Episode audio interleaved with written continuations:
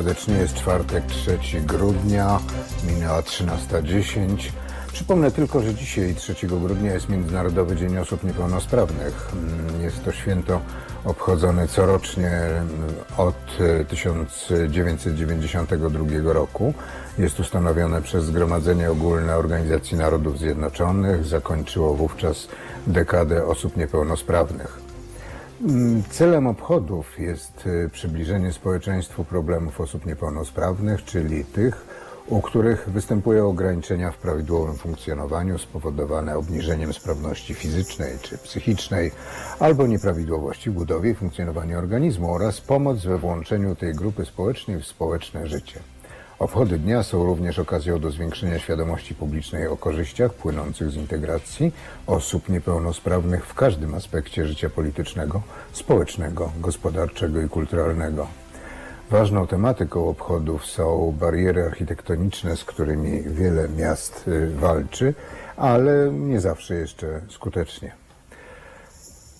Dzisiaj gościem programu jest pan Waldemar, Włodzimierz Szelążek, przepraszam, Włodzimierz Szelążek z EUK i będziemy rozmawiać, e, również spytam o mm, sprawy związane z niepełnosprawnymi, ale mam nadzieję, że będziemy rozmawiać o tym, co ostatnio zaczyna być bardzo głośnym tematem, głośnym mm, i gorącym, czyli fundusze unijne. Fundusze unijne, które na razie jeszcze mamy, które jeszcze są, ale które no, przy takich działaniach rządu, jakie, jakie właśnie on prowadzi, za chwilę mogą się zacząć kurczyć. Czy jest pan z nami? Halo, halo? Tak, witam serdecznie. Jestem, Witam jestem, bardzo. witam serdecznie. Witam. Zajmuje się, zajmuje się Pan od funduszami unijnymi od, się, od wielu lat, em, z tego co wiem. E, I mm, jest Pan najlepszą osobą, która mogłaby nam wyjaśnić to, czego one, w czym one pomagają i w czym one nam będą przeszkadzać, e, to znaczy ich brak może nam przeszkadzać w przyszłości. Pan Włodzimierz Szelążek.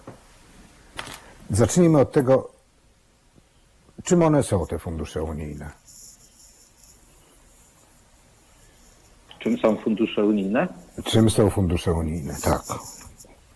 I, jakie jest ich znaczenie, znak- jakie jest ich znaczenie właśnie w budżetach e, miast e, e, i w związku z tym w życiu codziennym? Okej. Fundusze unijne są to środki, y, na które składają się wszystkie państwa członkowskie i te środki są kierowane na pomoc y, w różnych obszarach, y, w których, y, które Unia Europejska, Komisja Europejska wybrała. Są to bardzo duże środki. No wiemy dobrze o jakich, jakich wielkościach mówimy. Są to setki miliardów dolarów dla naszego kraju. A takie miasteczka jak nasze miasto Ełk, które ma 60 tysięcy mieszkańców, no przez lata y, z tych środków korzystały. Y, Korzystały w różnych dziedzinach, od y, dziedzin, od inwestycji poprzez y, programy osłonowe, poprzez programy y, społeczne, poprzez programy dla osób wykluczonych, a więc są to y, praktycznie wszystkie dziedziny naszego życia, zarówno w całym kraju, jak i w tym naszym małym mieście. No właśnie, bo to jest, y, mm, jak się patrzy na to z punktu widzenia y, centralnego, to jest to zupełnie inne spojrzenie niż jak się patrzy na te fundusze unijne, mm, patrząc czy rozważając je, y, jak się patrzy z punktu widzenia miasta takiego jak Ełk, czyli miasta 60-tysięcznego, jak pan powiedział. To jest, czy można powiedzieć, jaki to jest y, procent y, wsparcia, y, jeśli chodzi o budżety, budżet miasta? To wygląda różnie w zależności od roku, o którym mówimy. Ja może tak powiem mm, o dwóch perspektywach. Perspektywa finansowania dwa sie- 2007-2014 i ostatnia perspektywa 2014-2020. A więc y, z funduszy unijnych y, uzyskało nasze miasto łącznie ponad 450 milionów złotych. Ponad 450 milionów złotych. I To jest prawie pół miliarda, jakby nie było. No. tak, to jest, to jest pół miliarda, a y, wykonane y, wszystkie projekty, które, y, które mamy, to jest y, rząd już 800 y, milionów złotych, czyli do tego pół miliarda z Unii Europejskiej jeszcze dorzucaliśmy pieniądze, czy też krajowe, czy też własne środki z budżetu miasta Ełku. Więc mówimy o 450 milionach czystego pieniądza, który otrzymało nasze miasto z Unii Europejskiej y, w przeciągu 13-14 ostatnich lat. Czy to dużo, czy to mało? Y, Budżet miasta Ełku na, na dzisiaj y, wynosi, no akurat jesteśmy w takim momencie, że już pracujemy nad budżetem na przyszły rok i jest to budżet rzędu 330 milionów złotych. Takie będą dochody miasta. A więc te 450 milionów to jest jakby półtora budżetu naszego miasta. Rocznego. Czyli półtora Rocznego, budżetu rocznego, tak. Czyli to jest no, bar- budżetu. bardzo znacząca, znacząca kwota. Bardzo znacząca i tak naprawdę y, w ostatnich latach y, wykonujemy tylko te inwestycje na terenie miasta które mają dofinansowanie zewnętrzne i głównie chodzi o dofinansowanie unijne. Gdyby nie było tych, y, tych pieniędzy, no wiele rzeczy byśmy w mieście nie mogli wykonać, albo byśmy musieli to rozkładać na lata. Na lata, czyli po prostu na wie- więcej lat niż, niż jest to robione.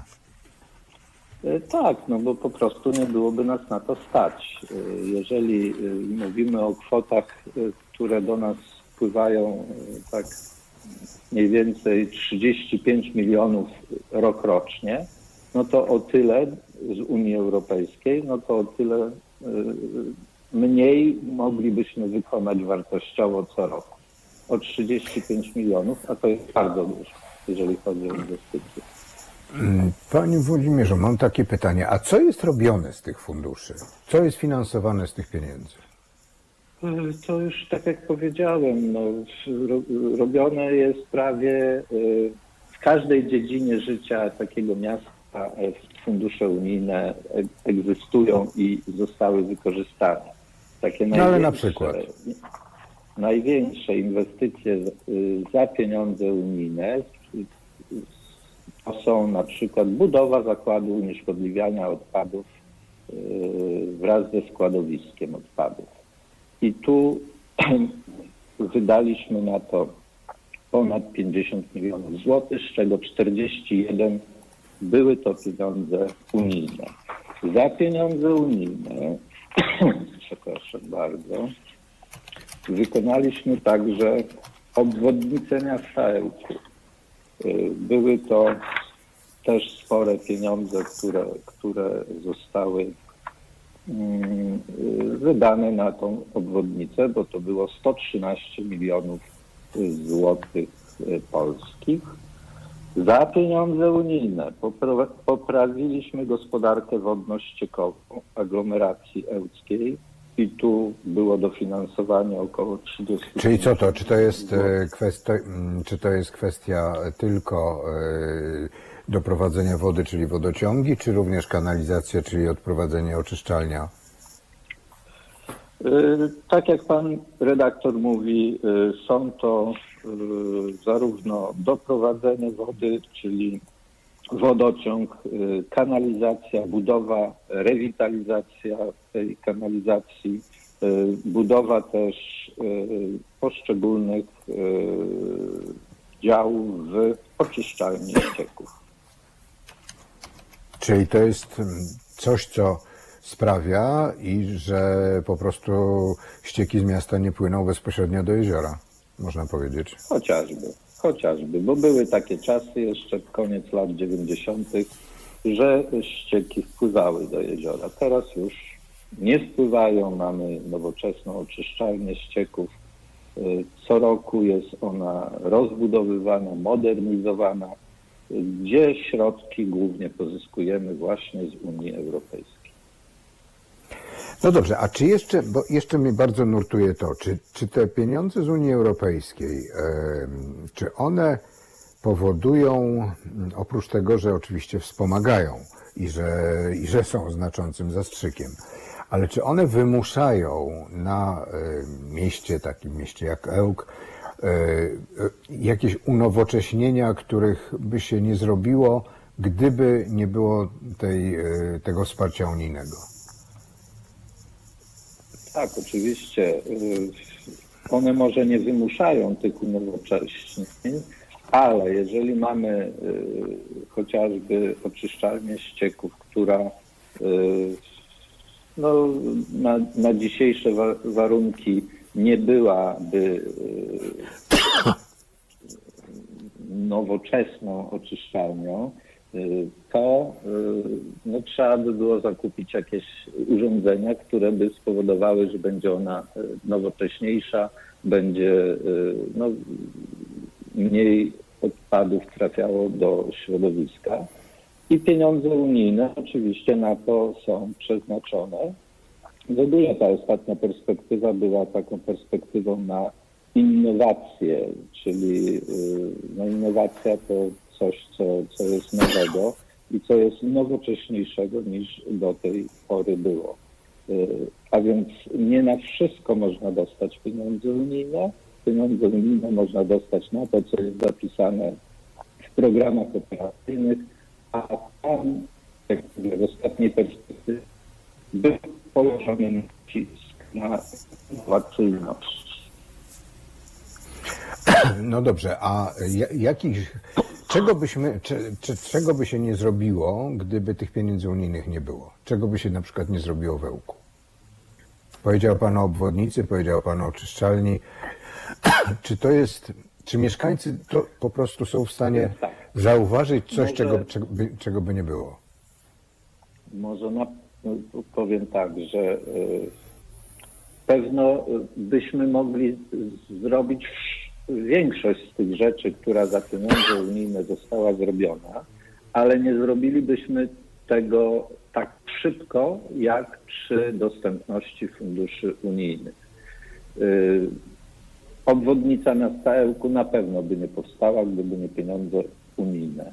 Y, Ścieżki rowerowe, które w ostatnich latach rozbudowywaliśmy dla mieszkańców, dla turystów wokół miasta, y, pewno by powstały, ale nie w takiej długości, jak mamy je dzisiaj.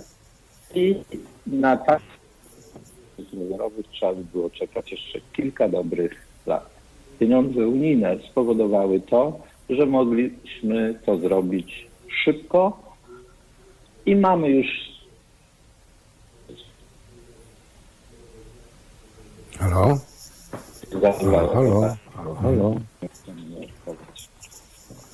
Przez jakiś, przez jakiś moment nie słyszałam pana. Proponuję teraz, żebyśmy zrobili małą przerwę i posłuchali amerykańskiej kobiety, American Woman. Halo Radio. Gadamy i trochę gramy.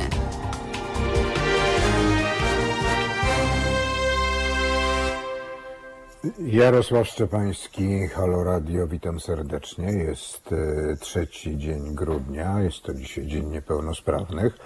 Jest 13.30, ja tylko przypomnę, że nasze kampanijne auto jeździ w tym tygodniu po ulicach Rzeszowa, że zamierzamy jeszcze w tym roku odwiedzić Kraków i Wadowice w przyszłym tygodniu i Katowice między 14 a 20. No, na początku roku będziemy e, po kolei w Częstochowie, potem w Kielcach, potem w Radomiu i tak mamy zamiar jeździć do przynajmniej do końca marca. Oczywiście cały czas, przepraszam, to mam nadzieję, że to nie jest koronawirus, tylko po prostu jakieś zwykłe przeziębienie, dlatego chrycham. E, Mam nadzieję, znaczy zamierzamy jeździć z tym samochodem, na którym jest jasno i wyraźnie napisane i pokazane i zadane pytanie, ile kosztuje nas Kościół. Wiemy, że 13 miliardów złotych są zadłużone polskie szpitale, a Kościół katolicki rocznie nas kosztuje 20 miliardów złotych. Może należałoby to po prostu coś z tym zmienić, to znaczy po prostu jakoś zmienić sposoby finansowania, które zostały wprowadzone na podstawie umowy Państwo-Kościół, umowy z, mm, maja 1989 roku, czyli jeszcze przez rządy PRL-owskie, rządy komunistyczne. Później oczywiście był wprowadzony konkordat, ale to już w 1993 roku. Przypomnę, że wsparcie tej naszej kampanii jest prowadzone poprzez www.zrzutka.pl ukośnik kampania. A gościem programu jest pan Włodzimierz Szelążek, e, specjalista od funduszy europejskich z miasta Ełku. Miasta Ełku, który, które to miasto jest na północno, północnym wschodzie e, Polski i jest miastem 60-tysięcznym. Rozmawialiśmy o tym, czym są te fundusze unijne, mm, co jest z nich finansowane. A moje pytanie teraz jest takie, mm, jaki jest stosunek mieszkańców do, do tych funduszy? Czy mieszkańcy sobie zdają sprawę z tego, że y, duża część właśnie inwestycji, o których Pan mówił, jest y, nie tylko z własnego budżetu miasta Ełku, ale z budżet, y, ze wspomagania właśnie unijnego? Włodzimierz Szylążek.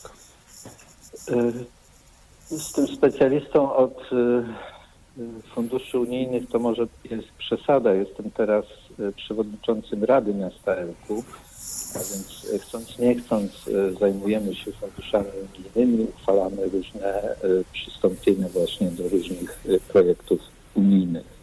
Y, Natomiast pracuję w Agencji Rozwoju Regionalnego w Olsztynie ta agencja się mieści. I tu funduszami unijnymi tak zajmujemy się, nawet jesteśmy instytu- instytucją, e, która e, pośredniczy e, w dotarciu do prze, przedsiębiorców z naszego e, województwa. E, Tak jak powiedziałem, EUK e, przez ostatnie dwie perspektywy finansowania unijnego uzyskał z Unii Europejskiej ponad 450 milionów złotych. Czy mieszkańcy widzą to?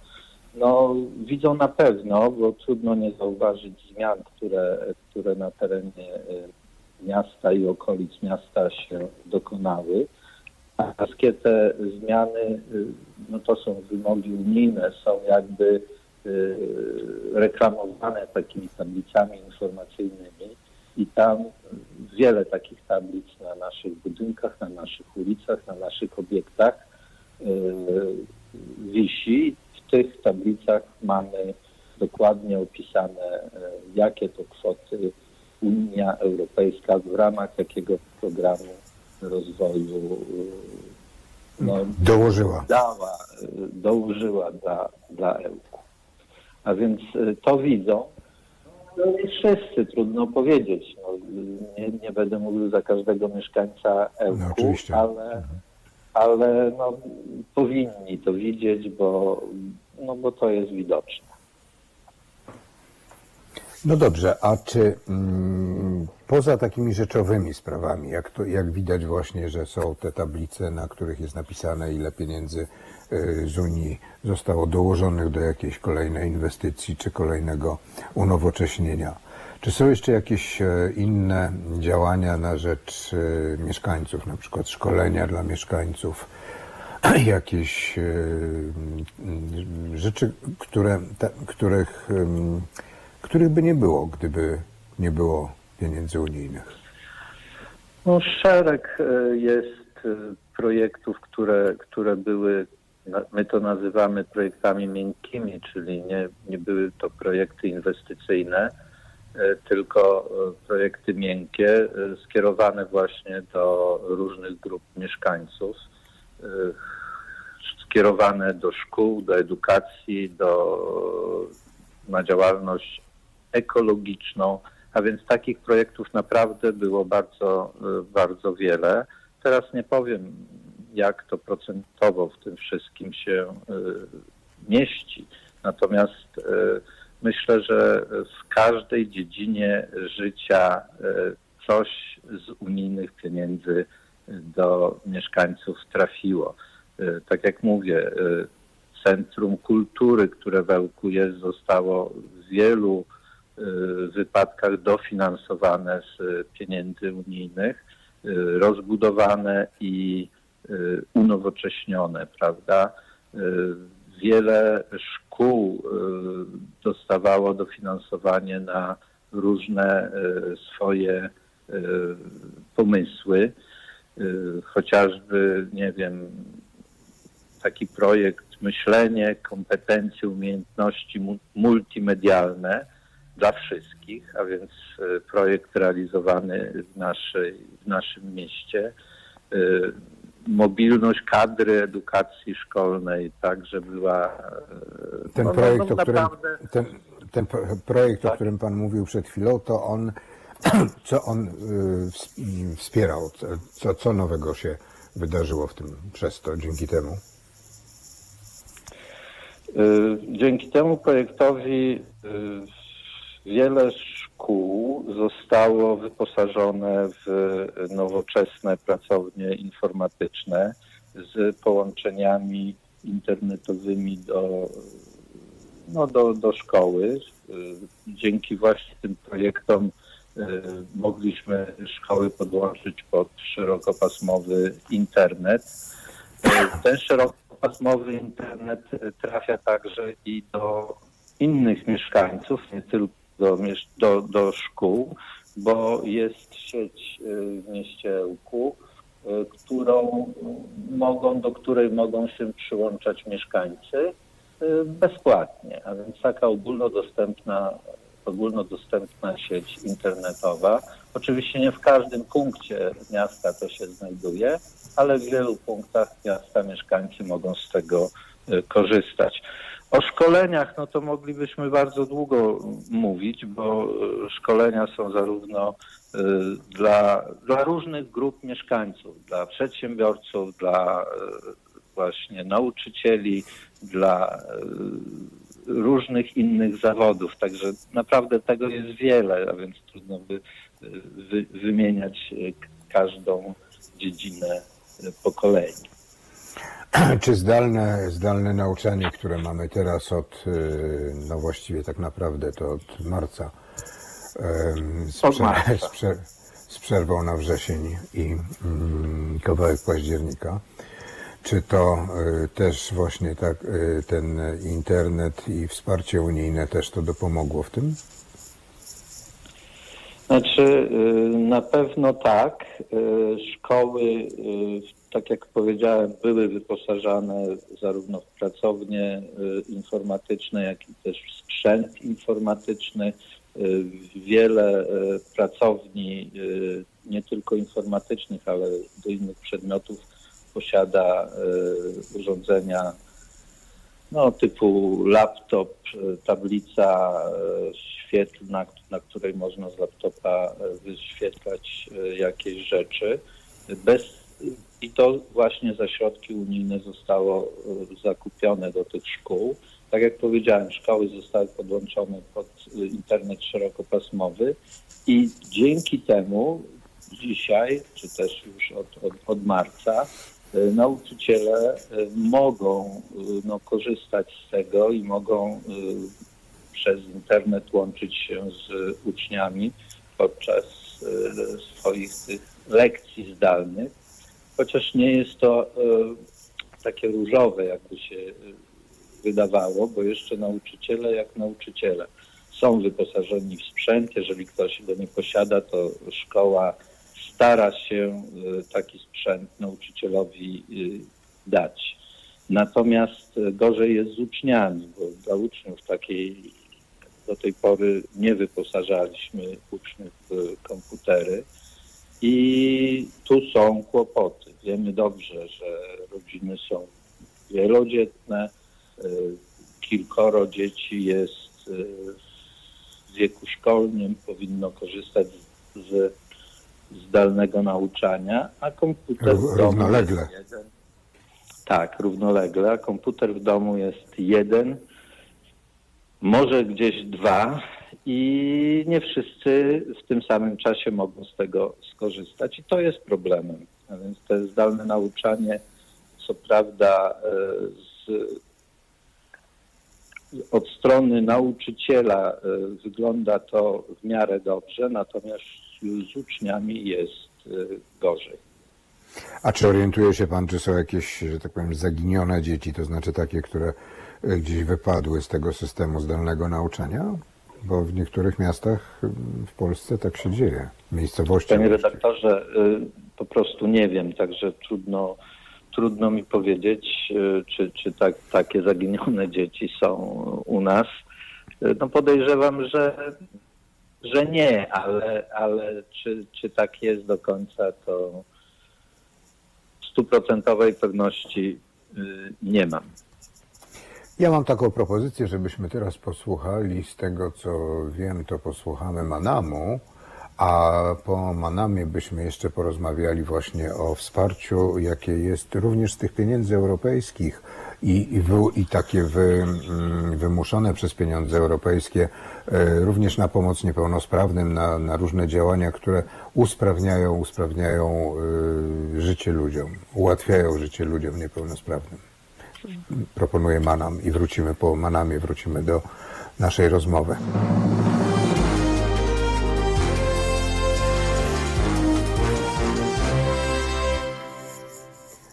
Manam zawsze, zawsze jest wspaniały i zawsze jest wielki. Jarosław Szczepański jest czwartek, 3 grudnia, godzina 13.46.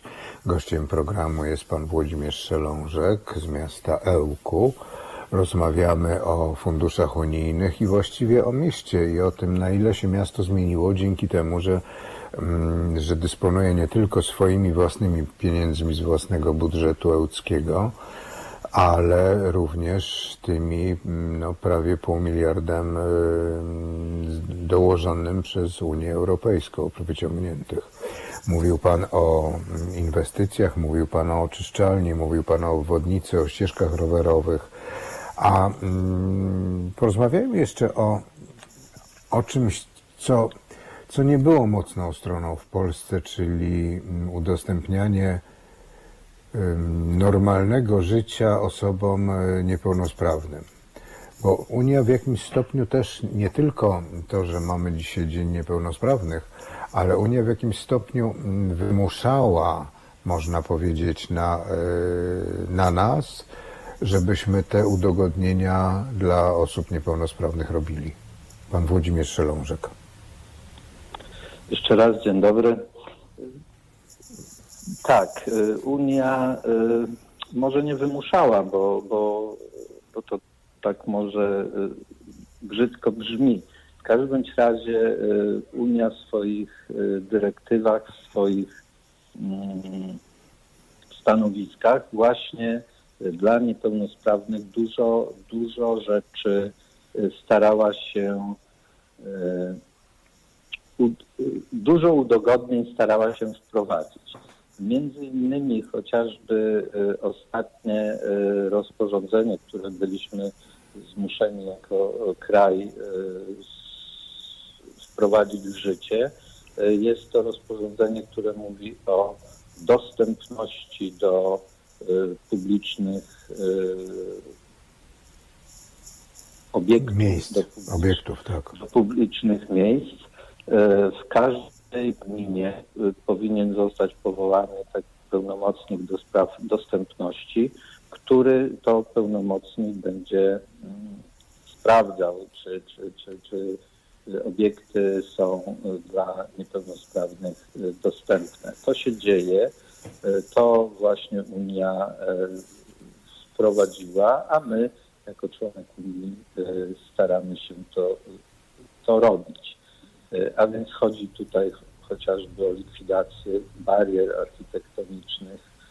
Czyli po prostu likwidację trudnych na przykład krawężników, trudnych, trudnych do pokonania, czy, czy schodków, które, No, które... do, dokładnie to. Każdy projekt inwestycyjny w mieście, który teraz jest robiony, musi uwzględniać e, dostępność y, dla ludzi niepełnosprawnych. A więc to, co pan redaktor mówi, właśnie chodniki, obniżenia na przejściach, tak żeby to wszystko było y, no, dla niepełnosprawnych możliwe do pokonania. Jeżeli chodzi o urzędy, no to jakieś podjazdy, podejścia, y, windy w wielu miejscach się pokazały, windy, z których mogą korzystać niepełnosprawni. Chociażby Urząd Miasta y, ma tak zrobione to, że każdy z y, mieszkańców, który musi korzystać z wózka inwalidzkiego, może wjechać do każdego pokoju, może wjechać z poziomu y, ulicy do urzędu, później windą na każde piętro. A więc to, to są wymuszenia, y, tak jak to pan redaktor nazwał, unijne. No tak, rzeczywiście ma pan rację. Ja powiedziałem to wymuszenia. ym, Pan też zresztą powiedział, że zmusiła nas, ale to są takie wymuszenia, które są bardzo, mm, bardzo dobre i bardzo korzystne, no bo, bo jakbyśmy to robili, podejrzewam, z własnych pieniędzy i z, ym, nie mając tego takiego właśnie mm, nad sobą takiego, nie powiem, że bata, ale takiego no, jednak przymuszenia, że jednak to, to musi być zrobione. To by się to odłożyło na później, to by te krawężniki, one by były i tam by się na tych wóz, wózkami by się ludzie telepali, no jak potrafili zjechać kiedyś przez lata, to, to, e, to, to, to, to jeszcze by to trwało. E, Ja pamiętam, że przecież to no, tak. w Stanach to ym, dopiero zwrócono uwagę na konieczność właśnie zajęcia się, udostępnienia niepełnosprawnym wszystkiego, dostępu do, do różnych miejsc, właściwie tak praktycznie po wojnie wietnamskiej, kiedy nagle się okazało, że są ym, dziesiątki tysięcy, jeśli nie setki tysięcy ludzi, którzy są bez rąk, bez nóg, y, którzy mają kłopoty z chodzeniem, z mm, poruszaniem się, dostępem do różnych miejsc. I wtedy nagle zaczęto, zaczęto na to zwracać uwagę i, i zaczęto y, umożliwiać danie dostępu do, do normalnego, nazwijmy to normalnego życia, a przynajmniej normalniejszego. Także sądzę, że to jest bardzo mm, takie, to cośmy powiedzieli, że wymuszenie, ale takie bardzo pozytywne wymuszenie. Dokładnie tak. E, e, Staramy się tutaj w tym naszym małym mieście także e, pomagać e, mieszkańcom w ten sposób, że w szkołach tworzymy oddziały integracyjne, w których to oddziałach właśnie mogą przebywać uczniowie niepełnosprawni. Jeżeli są takie oddziały, to i cały obiekt musi być przygotowany do takich tak, osób niepełnosprawnych. A więc to się dzieje, to, to jest y, robione. Y, Stworzyliśmy także domy takiej pomocy, samopomocy, y, środowiskowe domy samopomocy dla osób y, niepełnosprawnych. A więc y, sporo się dzieje. Y, Każdy zakup y, w mieście autobusu do przewozu mieszkańców jest y, obwarowany tym, że musi on być przystosowany y, do przewozu osób niepełnosprawnych. A więc takie rzeczy y, się dzieją. Się dzieją w wielu wypadkach y, przy pomocy Unii Europejskiej i za pieniądze, które z Unii Europejskiej otrzymujemy. Panie Włodzimierzu, my wiemy, że wiemy, że jeśli rząd y, postawi swoje weto, to nie będziemy mieli pieniędzy y, szczególnie dotyczących tych mm, pomocy covidowej, po-covidowej nazwijmy to. Y, Ale przez najbliższych parę lat te budżety unijne jeszcze będą takie, jakie były, bo one są wtedy, mm, jeżeli nie jest przyjęty ten budżet na perspektywę siedmioletnią, to, to przez najbliższe lata on będzie z roku na rok przechodził taki, jaki był w poprzednim roku. e, czyli w ciągu roku, dwóch lat i rolnicy będą mieli swoje dopłaty i być może właśnie miasta i gminy będą też mogły jeszcze korzystać. Ale to, to wszystko jest e, też e, no, nie powiem, że palcem na wodzie pisane, ale po prostu za, po, zaczyna być pod znakiem zapytania. Jeśli się nie, jeśli się rząd nie, no po prostu nie, nie, nie powstrzyma ze swoimi wetami. E, Takie, Ja taka jest moja. mogę dokładnie, ja mogę tylko ze swojej strony powiedzieć, że ja sobie nie wyobrażam e, tego czasu, kiedy my moglibyśmy działać bez środków unijnych.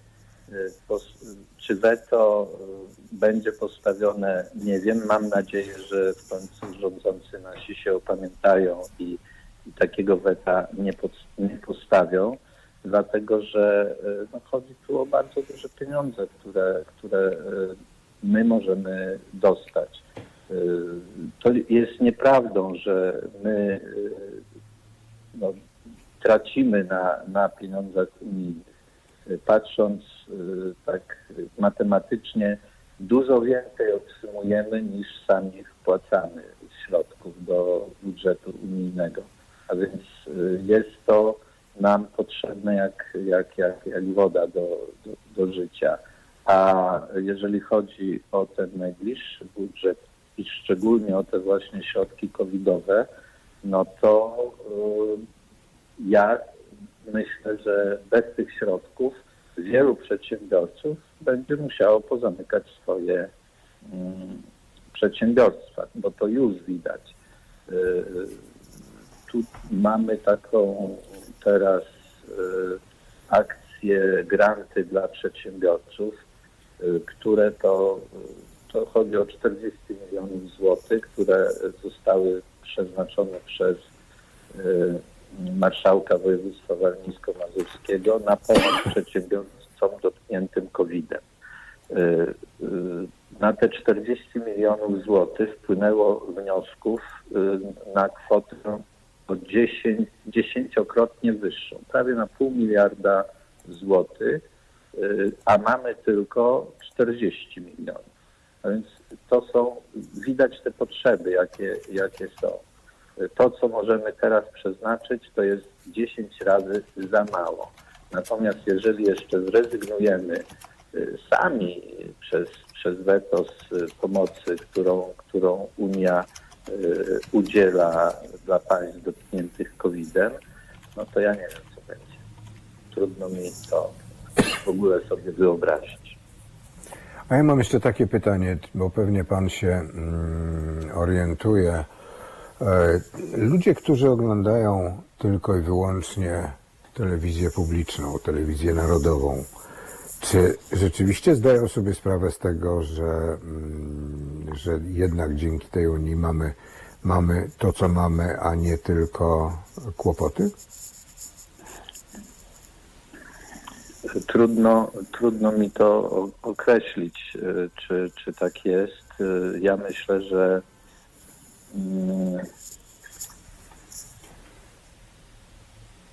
ci, którzy oglądają chociażby jedną inną telewizję niż telewizję narodową, to wiedzą dobrze o co chodzi i że y, no, może być gorzej. Natomiast ci, którzy oglądają jedyne, jedynie telewizję rządową, to pewno mają takie wyobrażenie, że jest wszystko dobrze i my sobie poradzimy y, sami. Sami A jak dużo takich ludzi jest, to ja nie jestem w stanie określić. Nie wiem. Rozumiem.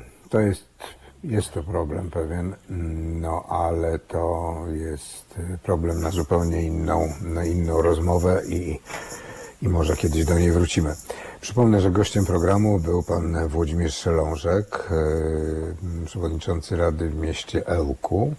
Rozmawialiśmy o funduszach unijnych, o tym, e, jak Ełk się zmienia dzięki, dzięki pomocy Unii Europejskiej. Dziękuję bardzo panu za rozmowę I ja dziękuję. Liczę, liczę na to, że jednak te pieniądze trafią również i do roku. I ja mam taką nadzieję, bo tak jak powiedziałem, bez tych pieniędzy będzie o wiele, wiele, wiele trudniej i dłużej trwało y, naprawianie y, chociażby zwykłego chodnika.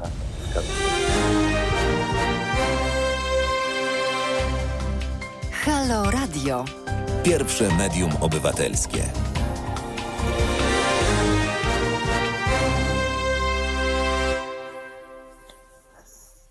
Halo Radio, Halo Radio, Jarosław Szczepański, witam bardzo serdecznie. Jest czwartek, e, 3 grudnia, minęła godzina 14.12. Gościem programu jest pan Maciej Wierzyński, redaktor Maciej Wierzyński. Witam cię Macieju bardzo serdecznie. Dzień dobry. Chciałem porozmawiać o tym, co się dzieje w Stanach, bo w Stanach wprawdzie jeszcze do e, posiedzenia e, tego e, elektorów, Kolegium, którzy, tak. kolegium elektorskiego to jeszcze jest chyba tydzień, bo to chyba 10 jest, o ile dobrze pamiętam, czy nawet 14, no ale nieważne, w każdym razie 14, ju- tak. 14. W każdym razie już jest tak, że mm, jednak mm, chyba pan prezydent Trump uznał swoją mm, przegraną. No i dopuścił mm, prezydenta elekta, czyli Joe Bidena do, do no, pracy przy tworzeniu gabinetu. Jak ty to oceniasz?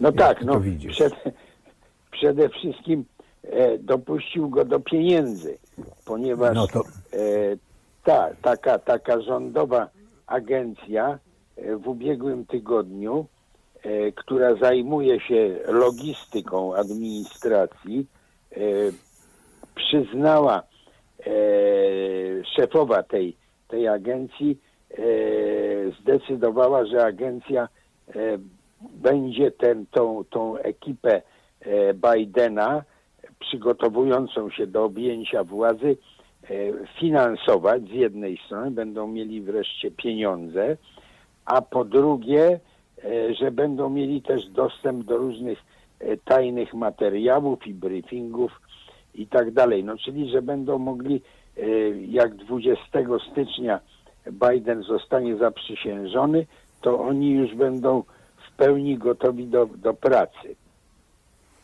A czy ty sądzisz, że te 20 stycznia pan prezydent Trump będzie uczestniczył w uroczystości zaprzysiężenia Joe Bidena?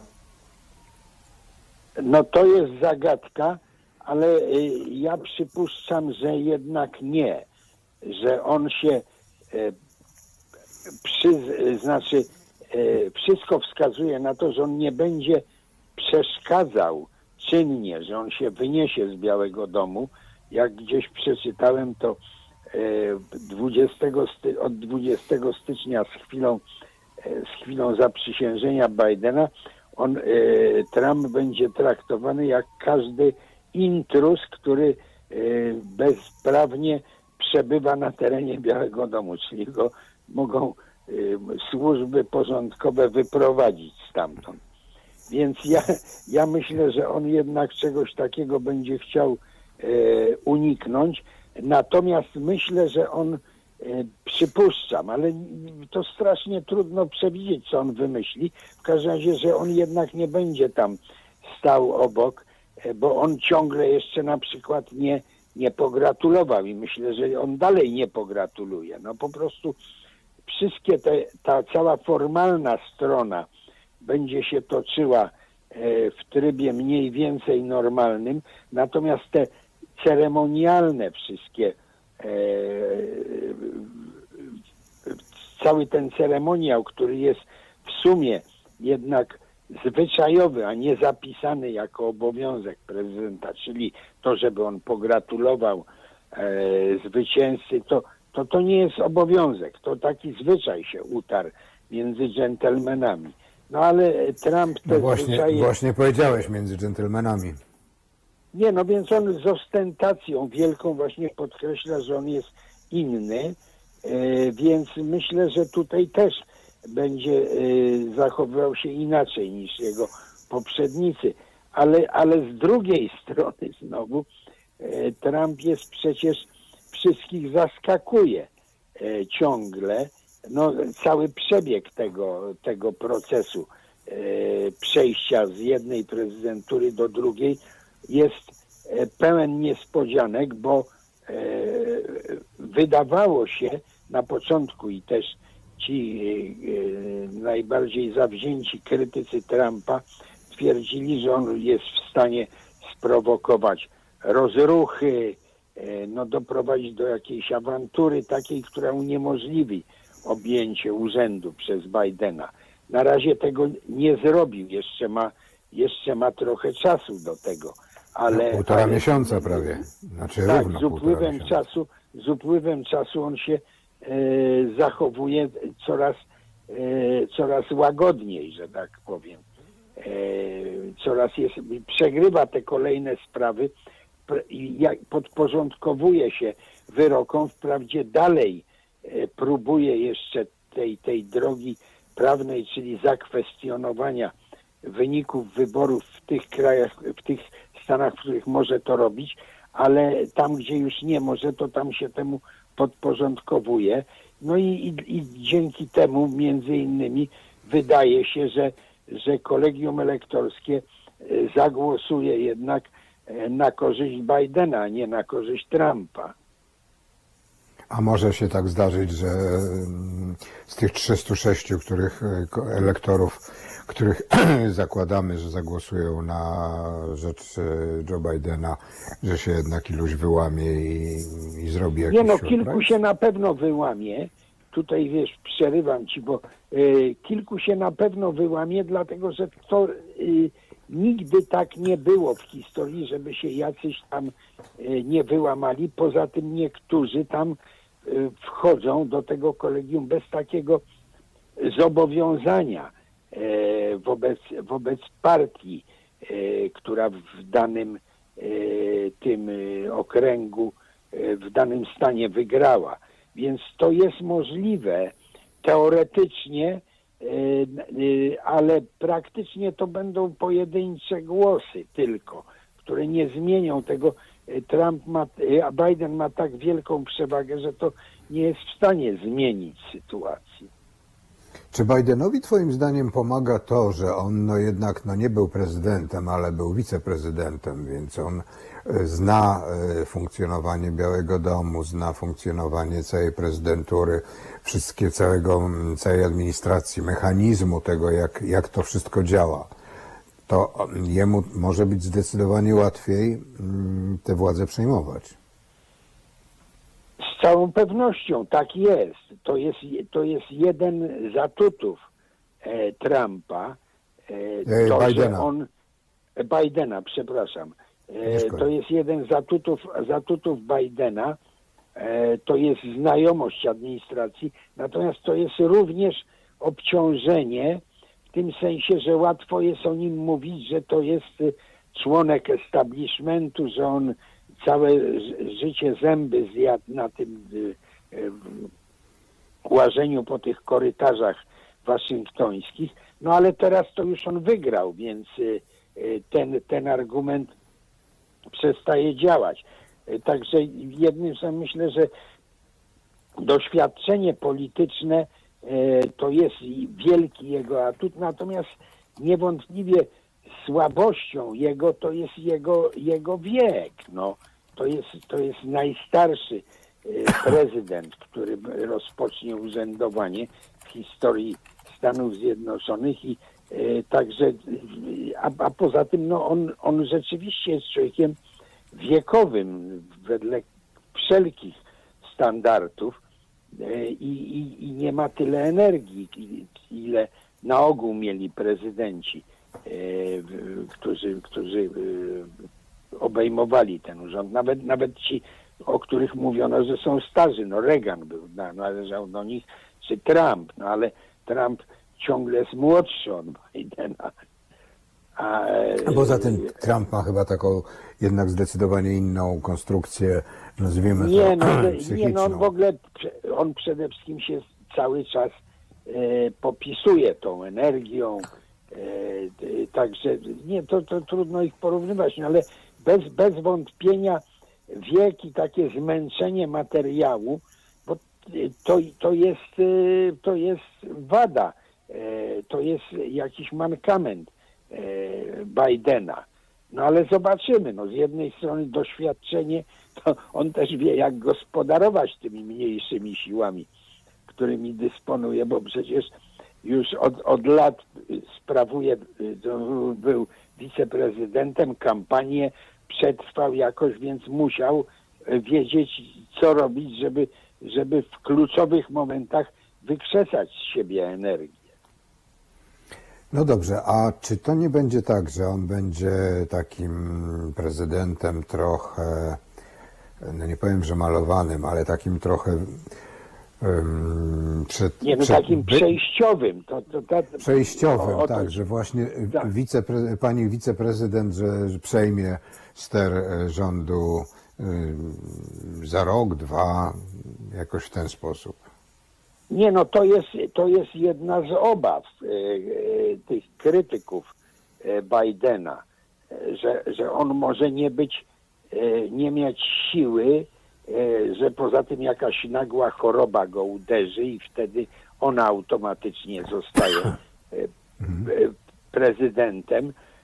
To z tym się trzeba liczyć. To nie jest przecież nigdzie zapisane, że on ma dotrwać w dobrym zdrowiu i w pełnej sprawności do końca kadencji. Zresztą to, e, to już się zdarzało, bo na przykład słynny e, prezydent e, Wilson, no teraz już wiele lat po jego śmierci wyszły pamiętniki jego żony, z których wynika, bo, że on pod koniec życia, że to właściwie ona sprawowała władzę, bo on był po wylewie i taki chory, że przez chyba to ostatnie dwa lata nawet trwało, nie pamiętam.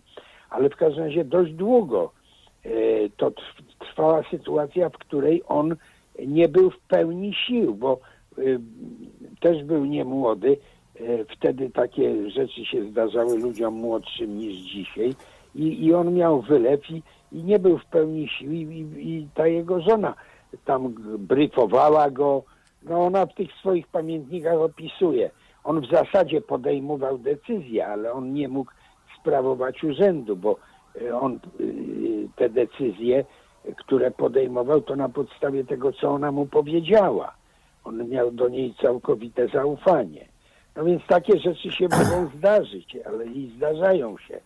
No w historii Ameryki właściwie się wszystko zdarzyło, co się może w demokracji zdarzyć, także niczego nie możemy No tak, ale są- ani- Są takie zabezpieczenia, Tak. które jednak, e, które gwarantują to, że nie będzie jakiejś, no jakiegoś zbyt dużego zamieszania, nawet w przypadku, kiedy by ten prezydent e, no, stracił życie, czy musiał zrezygnować. No były już takie Nie no, jak straci życie, to automatycznie wiceprezydent obejmuje urząd i, i, i, i czy, czy w przypadku od- odwołania z urzędu, jak było z Nixonem, prawda, y, kiedy y, po nim, y, po nim prezydentem został Ford i przez, przez y, dwa lata ten, ten urząd spełniał. E, Także to się zdarza. E, I tutaj też może się zdarzyć i e, co, coś takiego na, na skutek choroby, bo nie, nie sądzę, żeby, żeby odwołano e, Bidena z urzędu. No musiałby jakieś straszliwe rzeczy popełnić. I tutaj ogólnie biorąc to ja myślę, że w sumie gdybyś mnie zapytał, jakbym ocenił sytuację, to uważam, że w sumie to demokracja amerykańska okazała się e, dosyć mocna, no, że nawet człowiek, który tak bardzo usiłował naginać wszystkie normy do swoich zachcianek, w rezultacie musiał się im poddać. No. I że poza tym znaleźli się, te, te, ta, to świadczy dobrze o instytucjach, ale też świadczy dobrze o e, zachowaniach polityków, którzy e, zachowali niezależność. No, bo, bo bardzo wielu e, ludzi nominowanych przez Trumpa e, wykonywało, nie, nie- było, nie szli po prostu ślepo za e, nawet nie jego poleceniami, ale jak to się często zdarza, jak wiemy to e, z praktyki polskiej, za, jeg- za oczekiwaniami, że się robi to, co, coś, czego człowiek się spodziewa, że, Że on boss- że będzie zadowolony. Żeby, żeby zrobić dobrze szefowi, tak. No, A tutaj jednak byli tacy, którzy mu nie, nie robili dobrze. E, dotyczy to zwłaszcza tych sekretarzy stanu, którzy, e, czyli tych, tych, tych urzędników czy, e, wybieranych, e, ale republikańskich, którzy e, podpisywali te de, decyzje o tym, że, że wynik wyborów już jest nie do zakwestionowania. Y, Porażkę Trumpa przypieczętowywali. Czy sędziowie na przykład, którzy orzekali na jego niekorzyść. No, teraz w tej sytuacji, która jest teraz, to właściwie został mu Giuliani, e, ale to jest najęty przez niego człowiek. To jest firma e, prawnicza, której, którą on opłaca. I, i Giuliani dalej pcha te różne sprawy, które Trump kolejno przegrywa. Giuliani, czyli były, były burmistrz Nowego Jorku. Były burmistrz Nowego Jorku, tak. Zresztą skądinąd e, burmistrz, który, który w Nowym Jorku bardzo dobrze się e, zapisał, bo był niesłychanie energiczny, e, poprawił w ogóle sytuację miasta. No, no, zanim on przyszedł, to o Nowym Jorku mówiono, że to jest takie upadające miasto, które bankrutuje, nie ma pieniędzy, e, śmieci z nich nie, stamtąd nie wywożą. E, No ten, ten, ten film o Batmanie to był o tym właśnie, o, o, mieście, które upada i które dopiero taki, taki jakiś dziwny y, człowiek, y, który się przebierał za nietoperza, ratował z tego. Macieju, a ja mam takie pytanie. Jak e, widzisz, e, jak oceniasz, jak możesz to skomentować, e, nasze polskie stosunki z- przez reprezentowane polsko-amerykańskie już za czasów, nazwijmy, Bidena, czyli za te półtora miesiąca, i, mm, i prezydenta Dudy, który jest prezydentem i który jeszcze tak nie za bardzo, zdaje się, też złożył gratulacje. No w końcu tak, zrobił to, y, przełknął to. E, Jak ja to oceniam? E, e, Pierwsza i najważniejsza rzecz, która mnie się wydaje, e, to jest e, i jest warta podkreślenia i żebyśmy pamiętali o tym, to jest to, że e, już od czasów Obamy e, w amerykańskiej polityce Daleki Wschód, czyli Chiny, basen Pacyfiku, to była podstawowa sprawa.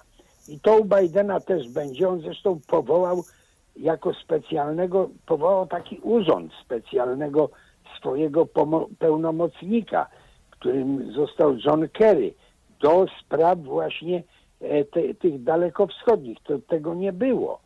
No to, i, i, to świadczy o tym, gdzie jest skoncentrowana uwaga amerykańskiej polityki zagranicznej. Więc to, i to myślę, że to jest bardzo ważne, żebyśmy e, sobie uświadomili, że e, Europa i sprawy europejskie, a Polska w szczególności, to nie jest e, priorytet polityki amerykańskiej, a jeśli idzie o sprawy polskie, e, o polską politykę, to przede wszystkim jest, są kwestie e, e, militarne, bezpieczeństwa. No tutaj nie sądzę, żeby on cokolwiek zrobił wbrew wcześniejszym amerykańskim zobowiązaniom, czyli to, co jest, czyli że, że będzie wojsko amerykańskie tutaj, że, że budowa tej bazy w Radzikowie, która strasznie się wlecze, że to będzie jednak kontynuowane. E, Także, także ja myślę, że używanie Bidena, tak jak używała go obecna władza w Polsce, e, tak jak używała Trumpa, żeby pokazać, że my jesteśmy głównym sojusznikiem Stanów Zjednoczonych na tym, w tym regionie, znaczy szerzej, bo to nawet nie chodziło o Europę Wschodnią, ale w Europie, że Niemcy to już tam on położył na nich krzyżyk, a teraz my w to miejsce.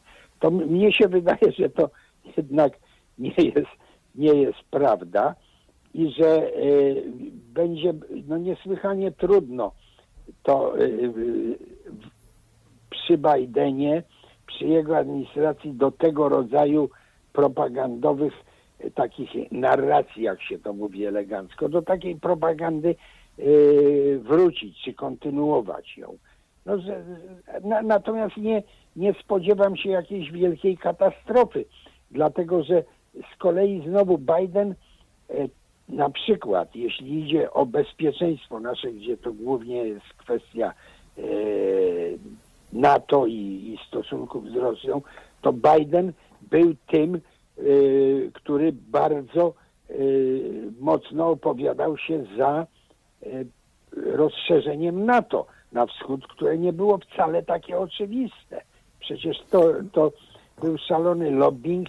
Y, To chyba byłeś w tym czasie w Waszyngtonie. Dokładnie. Mhm. tak, no właśnie i, i, i, i kiedy były, była ca, cała debata na temat ratyfikacji tego e, w, w Senacie, to Biden był przywódcą tej, tej części senatorów, którzy e, bardzo mocno e, za tym się opowiadali agitowali za tym. Także on e, to jest polityk, którego sprawy zagraniczne bardzo interesowały zawsze.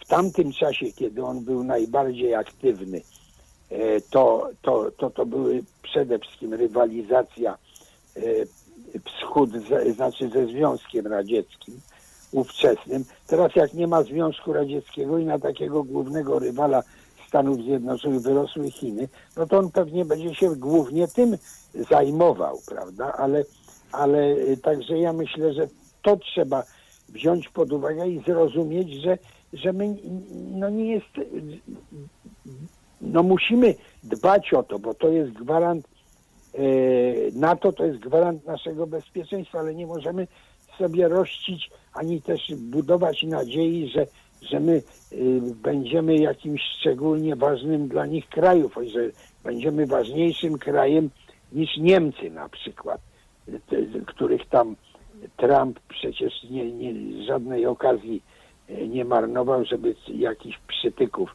e, nie robić i afrontów e, pani Merkel. No myślę, że... Zupełnie jak pani Kempa na przykład. tak.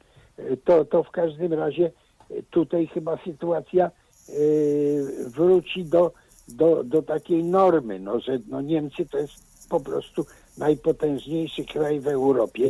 Je, jeżeli nawet się mówi o tym, prawda, że on, e, że Biden e, odnowi, że Europa będzie ważna, to to nie znaczy, że, że to szczególnie poprawi sytuację polską. To raczej poprawi sytuację niemiecką. No tak, ale to z kolei może ustawi e, relacje między Polską a Stanami tak troszkę na, mniej na głowie postawione, tak jak to było teraz za czasów Trumpa. Bo to tak trochę było, mm, znaczy e, z propagandy rządowej w Polsce można było wnioskować, że, że to my jesteśmy ho, ho, najważniejszy kraj w Europie i w ogóle Stany tylko i wyłącznie z Polską i, i bez żadnego opamiętania to było przynajmniej z polskiej strony powtarzane. Nie, no ja myślę, że takie pewne pokrewieństwo ideologiczne między Trumpem a e, PiSem e, istniało i ono ułatwiało e, Trumpizm i pisizm? Trumpizm i tak, że, pisizm. tu, że, że tutaj pokrewieństwo ideologiczne e, bardzo w tym pomagało. E, Natomiast z drugiej strony e, też wydaje mi się, że jeśli idzie o właśnie sprawy militarne, to a nie, nie polityczne, tylko militarne właśnie, to one się toczyły swoim biegiem. Tutaj Trump e, niczego specjalnie nie popsuł, ale też pewne rzeczy się stały za Trumpa. E, I, i, i no na przykład właśnie obecność, ona się nie, nie jest stała, ale rotacyjna, no ale oni zawsze są, prawda, i te- także te, te ci żołnierze, no więc to się zdarzyło i to jest niewątpliwie po, po, no lepszą mamy sytuację tutaj na tej całej wschodniej flance niż, yy, niż, niż ona była. E, Ale, Już wtedy, ale, kiedy wstępowaliśmy do NATO, mm, kiedy było to No rozszerzenie NATO, tak, czyli nie, no bo wtedy 30 tak, no bo to tak. No, 30 właściwie kwietnia wszystkie- e, 1998 roku było to głosowanie Tak. e, w Senacie amerykańskim. Tak, wszystkie kolejne e, polskie rządy e, były popychane do tego, żeby, żeby jednak e, złamać tę, te porozumienie między e, Zachodem a Rosją. Do dziś to chyba nie wiadomo, jak to wyglądało na temat tego, czy, czy wojskowa obecność e, NATO ma się e, zatrzymać na, na, na Łabie, czy, czy na wschód od Łaby. Jednym słowem, czy w tych nowych krajach mogą być te wojska, czy nie mogą. No więc to było zmartwienie wszystkich kolejnych rządów i to, i to zostało w końcu drogą, no to są już pewne fakty, no, że, oni, że oni tu są. No, fortu Trump nie ma, e, ale no to to była czysta już propaganda oczywiście, ale oni tu są. Ja myślę to, że tego nie ma, to to głównie względy finansowe o tym decydowały, bo, bo Amerykanie, no i nie, już nie, nie tylko Trump, ale jeszcze wcześniej domagali się od y, wschodnich, od Europejczyków w ogóle, y, no, żeby, żeby oni ponosili też te same ciężary, y, co, co, Które co Stany. Zjednoczone. Tak. Mhm. Oni, tak, tak, a, a Europejczycy się e, wzbraniali. E, Myślę, że z dwóch względów. Nie chcieli wydawać pieniędzy, ale też to nie było specjalnie popularne w niektórych przynajmniej krajach. Mieli inne, mieli, przepraszam, że nie, zakasłanie, mieli inne wydatki, bardziej pilne. Przynajmniej wychodzili z tego założenia. No inne, inne wydatki, inne priorytety. e, tu- Tutaj ten zagrożenie, ekspansjonizm e, radziecki, a potem rosyjski ich tak specjalnie nie przejmował, bo oni są dalej, prawda, no te kraje południa Europy e, przecież to, to oni się przede wszystkim zajmowali stosunkami e, z, z krajami południa, czyli z Afryką e, przede wszystkim. To Libia była takim problemem, a nie, e, a nie, a nie, a nie, nie, nie Rosja. No, no, Rosja to jest rosyjskie zagrożenie, to mnie się wydaje, że, że jeszcze, jeszcze Niemcy to rozumieją dobrze. E, Jakkolwiek, ponieważ są potężnym krajem, to s- uważają, że inaczej mogą to rozwiązać, prawda? No poza tym mają do, mają ten mm, gazociąg, z którym się jakoś Nie no, z Rosjanami między dogadują. ga, ga, tak, gazociąg jest tego przykładem, że oni mają do tego inne podejście niż my, no. Tak. Nord Stream 2, Nie no, to są, to są potężne, potężne kraje. No, to są dwie, dwie e, potęgi, które e, przez e, dziesiątki lat, jeszcze w poprzednim stuleciu również, decydowały o, o sytuacji w Europie, no, a nie, nie, niestety nie Polska. Przypomnę, że gościem programu jest pan Maciej Wierzyński, redaktor Maciej Wierzyński, że rozmawiamy głównie o Stanach, ale moje pytanie jeszcze jest jedno, mam jeszcze jedno pytanie. Czy, jak twoim zdaniem się skończy sprawa z tym wetowaniem przez polski rząd budżetu unijnego i, i, i de facto pomocy pokoronawirusowej? Czy my rzeczywiście będziemy tym... Oj. Oj, To, no właśnie. wiesz, bardzo, bardzo jest mi trudno odpowiedzieć. Ja, ja myślę, że e, ze strony unijnej, ale przede wszystkim ze strony Niemiec, to jest wola szukania jakiegoś kompromisu, który byłby po prostu odsunięciem decyzji. No to jest bardzo w stylu wszystkich unijnych decyzji, że jak coś jest trudnego, to się wynajduje póki można taki sposób, żeby się tym, żeby to odwlec. Czyli jak to mówią takie że kopnąć tą puszkę przed siebie dalej, e, odepchnąć ten moment. I myślę, że, że teraz, teraz też pewnie tak się dzieje i myślę, że kra- y, tym, temu krajowi, któremu najbardziej zależy na tym, żeby to się nie skończyło jakąś katastrofą, e, to są Niemcy, e, które sprawują prezydencję e, do, do końca roku, więc e, i, i, a to z drugiej strony e, wykorzystują zręcznie nasi, trzymają nas wszystkich e, w niepewności do samego końca. To jest już, już tylko ty, tydzień został do tego, No bo właśnie. e, będzie ten szczyt unijny, na którym to będzie trzeba rozstrzygnąć. Ja myślę, że na to pytanie to nie znajdziemy odpowiedzi aż do e, wieczora. Je, jeżeli to jest e, e, czwartek i piątek, to do wieczora w czwartek, bo oni na ogół się jednak rozjeżdżają już w sobotę. Parokrotnie pamiętam z takich y, obecności na, jako dziennikarz na tych szczytach, że, że do ostatniej chwili nie bardzo było wiadomo, jak to się skończy. I myślę, A kończyło że, się po prostu że rozjechaniem się do domów. do, nie, nie, nie, znalezieniem jakiegoś kompromisu. E, na ogół, na ogół, no nie zawsze, bo się, wiesz, przypomnij sobie, jak wyglądała sprawa Brexitu, ile to razy e, Cameron, a potem e, ta pani premier brytyjska przyjeżdżali i nic, i nic, i, i, i, i, i ale bo to jednak e, brytyjska strona i, i nacisk społeczny Brytyjczyków. Wprawdzie tam były e, demonstracje za tym, żeby e, Wielka Brytania została w Unii, ale jednak wynik referendum był za tym, żeby Wielka Brytania wyszła. I politycy roz, chcieli, żeby Wielka Brytania została. No w każdym razie też strasznie długo to trwało. I teraz myślę, że, że aż do, do końca, a może nawet jeszcze jakiś jeden szczyt Jeden dzień przed dłużej. Świętami. Tak.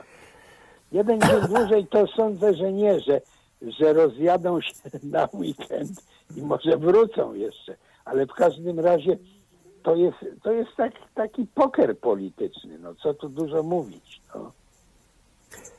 Przypomnę, że rozmawialiśmy, a właściwie słuchaliśmy Macieja Wierzyńskiego, że rozmawialiśmy o Stanach Zjednoczonych i Unii Europejskiej.